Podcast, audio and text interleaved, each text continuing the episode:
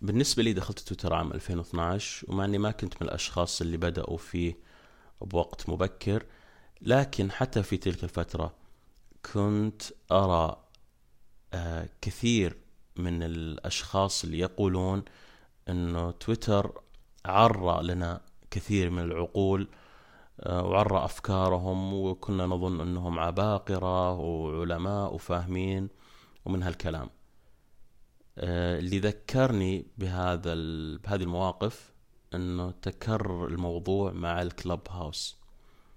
أرى أيضا كثير يقولون إن الكلب هاوس عرى كثير من العقول آه واللي يدعون إنهم مفكرين. طبعا هم غالبا يقصدون المتواجدين في تويتر. آه صراحة مستغرب.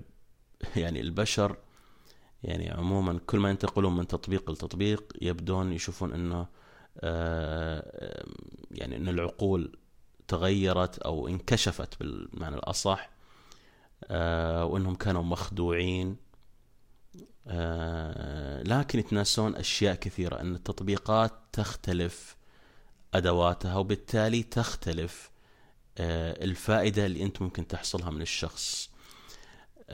مثلا تويتر انت تقدر تكتب اللي تبغى تكتب سلسلة طويلة آه، بدون ما أحد يقاطعك اطلاقا.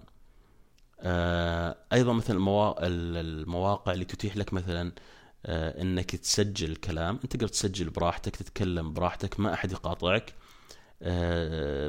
سلسلة أفكارك تكون مستمرة. بعكس مثلا الكلب هاوس. الكلب هاوس يعني من اطلاع مبدئي له يعني يتيح لك غرف دردشة يكون متواجد أكثر من شخص اللي مسموح لهم إنهم يتكلمون. أيضا بيكون في جمهور.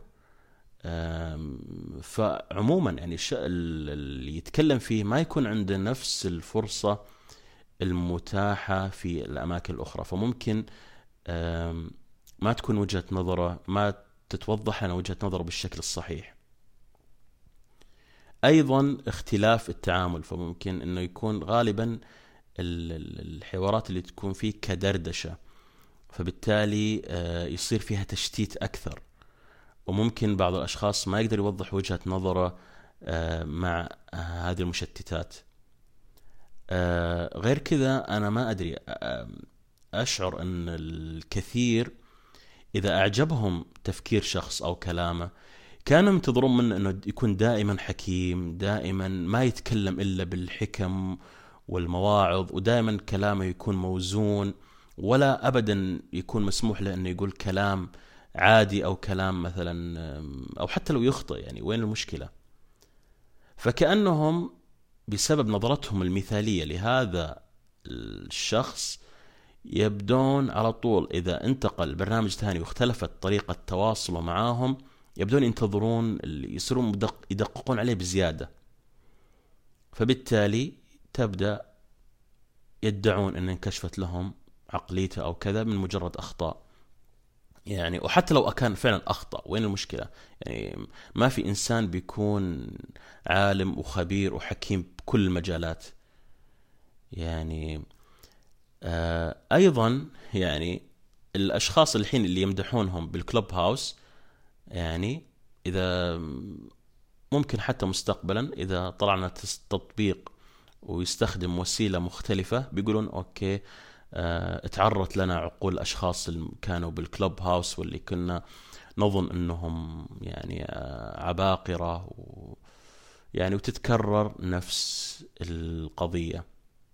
لكن صراحة أشوف مشكلة كبيرة إن, إن الواحد ينتظر تطبيقات مختلفة حتى تتبين لعقول الأشخاص. يعني إذا أنت ما اكتشفت عقولهم آه، إلا بسبب اختلاف التطبيقات فبصراحة أرى أن المشكلة فيك أنت.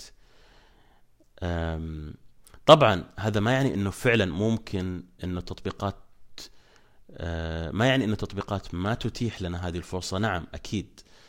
آه، ولا أقصد أنه كل الأشخاص اللي تبرت عق... اللي قيل عنهم إن تعرت عقولهم إنهم كلهم لا آه تم ظلمهم. لا أكيد لابد نظريا إن في أشخاص ينطبق عليهم هذا الكلام.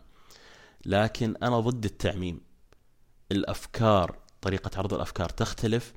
طريقة تعاملنا مع الأشخاص آه، أيضا آه، أو انطباعنا على الأشخاص يختلف بحسب الأدوات المتاحة لنا. أكيد لما تقابل الشخص بالواقع يكون انطباعك مختلف تماما.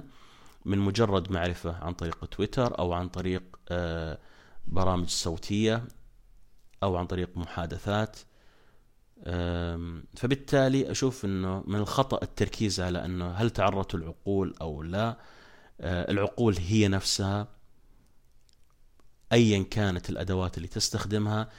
اللي يختلف فقط هو انطباعك عن هذه العقول بسبب اختلاف في الأدوات. أكيد أنت لما آه، تتحاور مع شخص كتابيا يختلف عن لما تتحاور معه صوتيا. كتابيا أنت آه، حتى كتابيا ممكن بعض الأشخاص يبدأ يستخدم صوت خيالي للشخص اللي يحاوره. فلما يسمع ممكن شخص آه، الصوت الشخص اللي كان يتكلم معاه ممكن ما يتقبل الصوت لمجرد إنه ما يتقبل نبرة الصوت فقط أو لأن النبرة اللي كان راسمها بخياله مختلفة. آه، وطبعا هذا مجرد مثال وتنطبق عليه يقاس عليه بقية الأمثلة.